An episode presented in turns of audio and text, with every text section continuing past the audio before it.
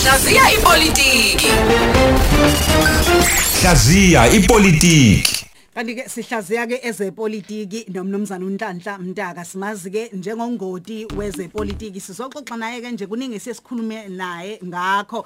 Eh, ngibona nje eh, nako seinkundleni zokuxhumana impela eh, abantu sebelindele ukuthi kazi namhlanje ke eh, uzokhuluma ngani? Ngicela nje ukuthi sikubingelele ku Khosi FM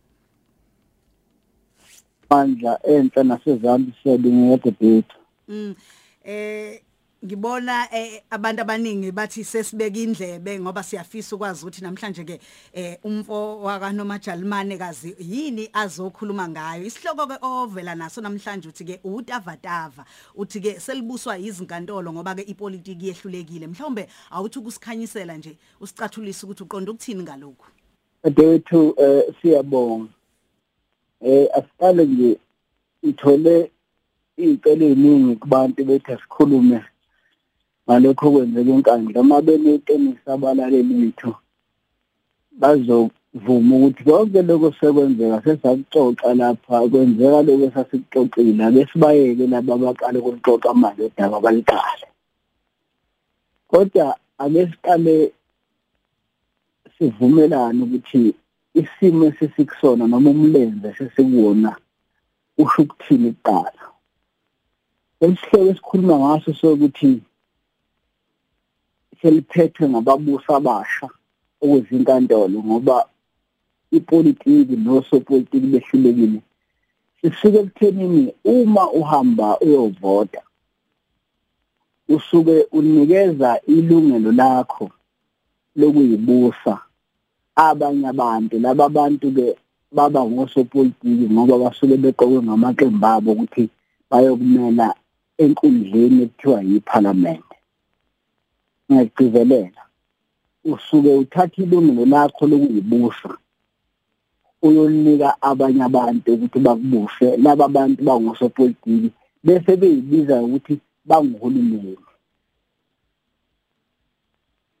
Ishwa ke elenzakalayo kwipolitiki lokuthi kuyenzeka. Laba bantu wena obanika ilungelo ukuthi bakubuse bahluleke ukukubusa. Amafuphi ivoti lakho lingasho lutho. Uma sekunjalo sibona ngani na uma sihlazeya isimo mazwe noma ipolitiki jikelele? Sibona ngokuthi laba obekuthiwa ababuse babe uhulumeni baqale manje babe nezimbangi ezingebona osopolitiki. Lezi imbangi ziba ngamaqembu noma ngabantu abangekho ngaphansi kwahulumeni lokuthiwa ama-NGOs non-governmental organization baba ngokhipkholo ke laba bantu abanye baxhaswa ngaphandle kwamazwe alapho besuke bekhona abanye bayivukela nje kuseni athina sesiyinhlangano elwela amalungelo athize. Labo bantu ke uma uhulumeni esehlulekile ukusibusa baba namandla ayinqaba ingakho eminyakeni nje emihlanu mase ngokuhlehlele uhulumeni waseningizimu Afrika uhanjiswe inkantolo eh inhlangano engekho ngaphansi kwahulumeni wafike wahlulwa. Ngoba seyiphethe akusaphetheni uhulumeni. Uma sezikhona ke lenhlangano lesi sigaba sedemocracy sibizwa ngokuthi dadewethu monetary democracy okusho ukuthi i-democracy siyeluswa ngabanye. Uthi uma sekuvelele inhlangano engekho ngaphansi kwahulumeni bese kuvela amandla ezinkantolo lapho amaqembu nepolitiki sehluleka ukuyibusa ibe isikhalela ezinkantolo okungajwayelekile ke eNingizimu Afrika ukuthi akuhlulekile kuphela uhulumeni eh ukusibusa ukusebenzisa ilungelo esekunike lona. Uhluleke ngisho amaqembu epolitiki ukuyibusa ngikusho ngani na? Amaqembu noma amalungu eh amaqembu ehlukahlukene aseyehluleka ukuyibusa ngemithetho yawo eqenjini bese gijimela ezinkantolo ngizokwenzela nje ibonele ezimbili dadewethu. Esokuqala. Uma bekunabantu kukhongolose abanenkinga eh ngomnikelo lokuthiwa i-CR17 kaRamaphosa yini ebihlula iqembu elibusayo ukuthi lithi bonke laba ababengene lokhetho lomongameli la eqenjini lethu thina ANC sithi abaveze ukuthi bayithola phi imali. Ramaphosa umkhize eh udokotela uNkosana Zuma bonke abasho usho iqembu labo. Bebe ngeke banqabe lawo bantu kodwa ngoba iqembu selihlulekile nalo ukuzibusa lihambela ugijimele inkantolo lilungisa udaba lwepolitiki lifuna ukuyolungiselwa yini? Inkantolo. Kulolu lukaZuma ayikho into ebehlula uKongolosi ukuthi lama labantu ekuthiwa ngamasela amandiya abakwaGupta amalungu ethu nali ikhadi lakhe la noZuma ilunga lethu nobani bani ilungu lethu. Ake nisitshene ukuthi sinitshena njengenhlangano uma ningakwenzi lokho sonixosha kwenze njani? Kwenzakalani uma ANC sihluleke ukulungisa into zazepolitiki isibiza amakhomishana ngoba olunye ushaka lolo olusetshenziswayo uma abantu esibanika ivoti sebehluleka ukusibusa basinika amakhomishana. Alithi izwe eAfrika elinamakhommishana ukudlula iningizimu Afrika. Yini amakhomishana? Mhlawumbe abantu abawazi. Uma ufuna ukuqashisa into ungafuni ukubopha abantu uphethe uvula ikhomishana ngoba ikhomishana ayibophi umuntu. Iqhamuka nje ney'ncomo. Kodwa usuke usukhokha imali enkulu yale ncomo kuze kuyoboshwa omunye umuntu ngomunye unyaka. Uma ungiphikisa ngitshena ikhomishana sekuyabopha umuntu ngilokhu saqala la. Ngisho ngoba ngisho naleya inkulu kakhulu okuthiwa u-TRC nawo abantu basashona ngapha nangapha uma beqala bethi hawu kanti sasingazi ngamafuphi? Isimo esikusona amakhomishana isimo esikusona seyinkantolo isimo esikusona seyinhlangano engekho ngaphansi kahulumeni sikhomba ukuthi laba esasibatsheleka ivoti lethu kabasenawo amandla. Ungaphindi uyincome uthi hayi thina sibaningi savota sibaningi ngoba iqiniso lithi amandla wasekho kupolitiki le.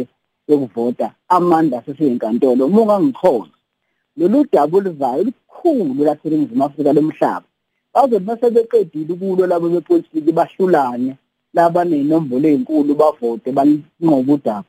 Ngakusasa ekuseni liyosuka eParliament lizoya enkantolo bese inkantolo inichitha nonke mina ebenibaningi namafuphi ngenxa yokuhluleka kosopolitiki bethu nepolitiki yethu sesisesimeni la khona ivoti lakho wena okuthiwa ngovota lingasenamandla kodwa okunamandla sekuyizinkantolo isimo kesiyingozi ngoba sithatha ilungelo inqumo sithathwa abantu ongabavotelanga akekho ovotela amajaji akekho ovotela amakhomishini kodwa wena usuke uvotele osopolitiki asebehlulekile eh, ukuthi benze udaba Mm. Dadewethu.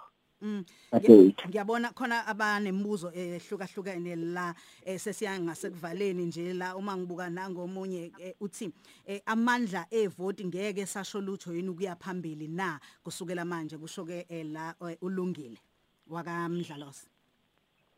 Akuthi uma ngase ngiphendule njena udadewethu lo akayibuza ukuthi zingabi inqumo eseyithathwe abantu wena obatsheleke ilungelo lakho zafike zachitha enkantolo. Lokho nje kodwa kufanele ukutshela ukuthi namaqembu aphikisayo awasayihluphi boqaphela awasayihluphi lokuyafikisa ngoba yazi ukuthi eh usuka ngomasingana kuze kuboze bandlela iqembu elibusayo lizobe lineyinombolo ezinkulu eParliament ngakho liyeke linqobe lapha eParliament lijabule. Kodwa wena nje kunede kufe nje.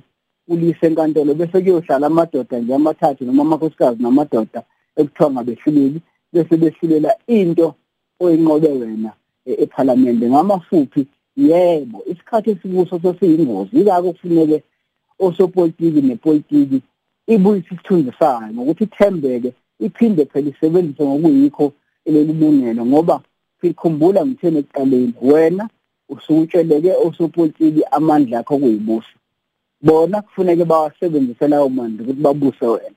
Kodwa uma bengakwazi ukubusa ziyaqhamuka inkantolo kodwa ngenxa yesikhathi uma uya manje ku-Facebook yedadewethu eh ibayede news noma kuyi-Twitter account enhlantamntaka ikhona inkulumo e, e, ebanzi ngalolu daba. Nala sichaza khona ukuthi zingenaphi inkantolo ukuyafuneka yini izicheme yini ukuchema kwenkantolo kuhle yini noma kubi kodwa iqiniso lithi njengoba sikhuluma nawe nje eningizimu Afrika sebehlulekile sopolitika abasakwazi ngisho ukuyilungisa indaba zangaphakathi sebekhalele inkantolo ngamafuphi asamukele ukuthi sinababusi abasha nababusi kuthiwa zinkantolo.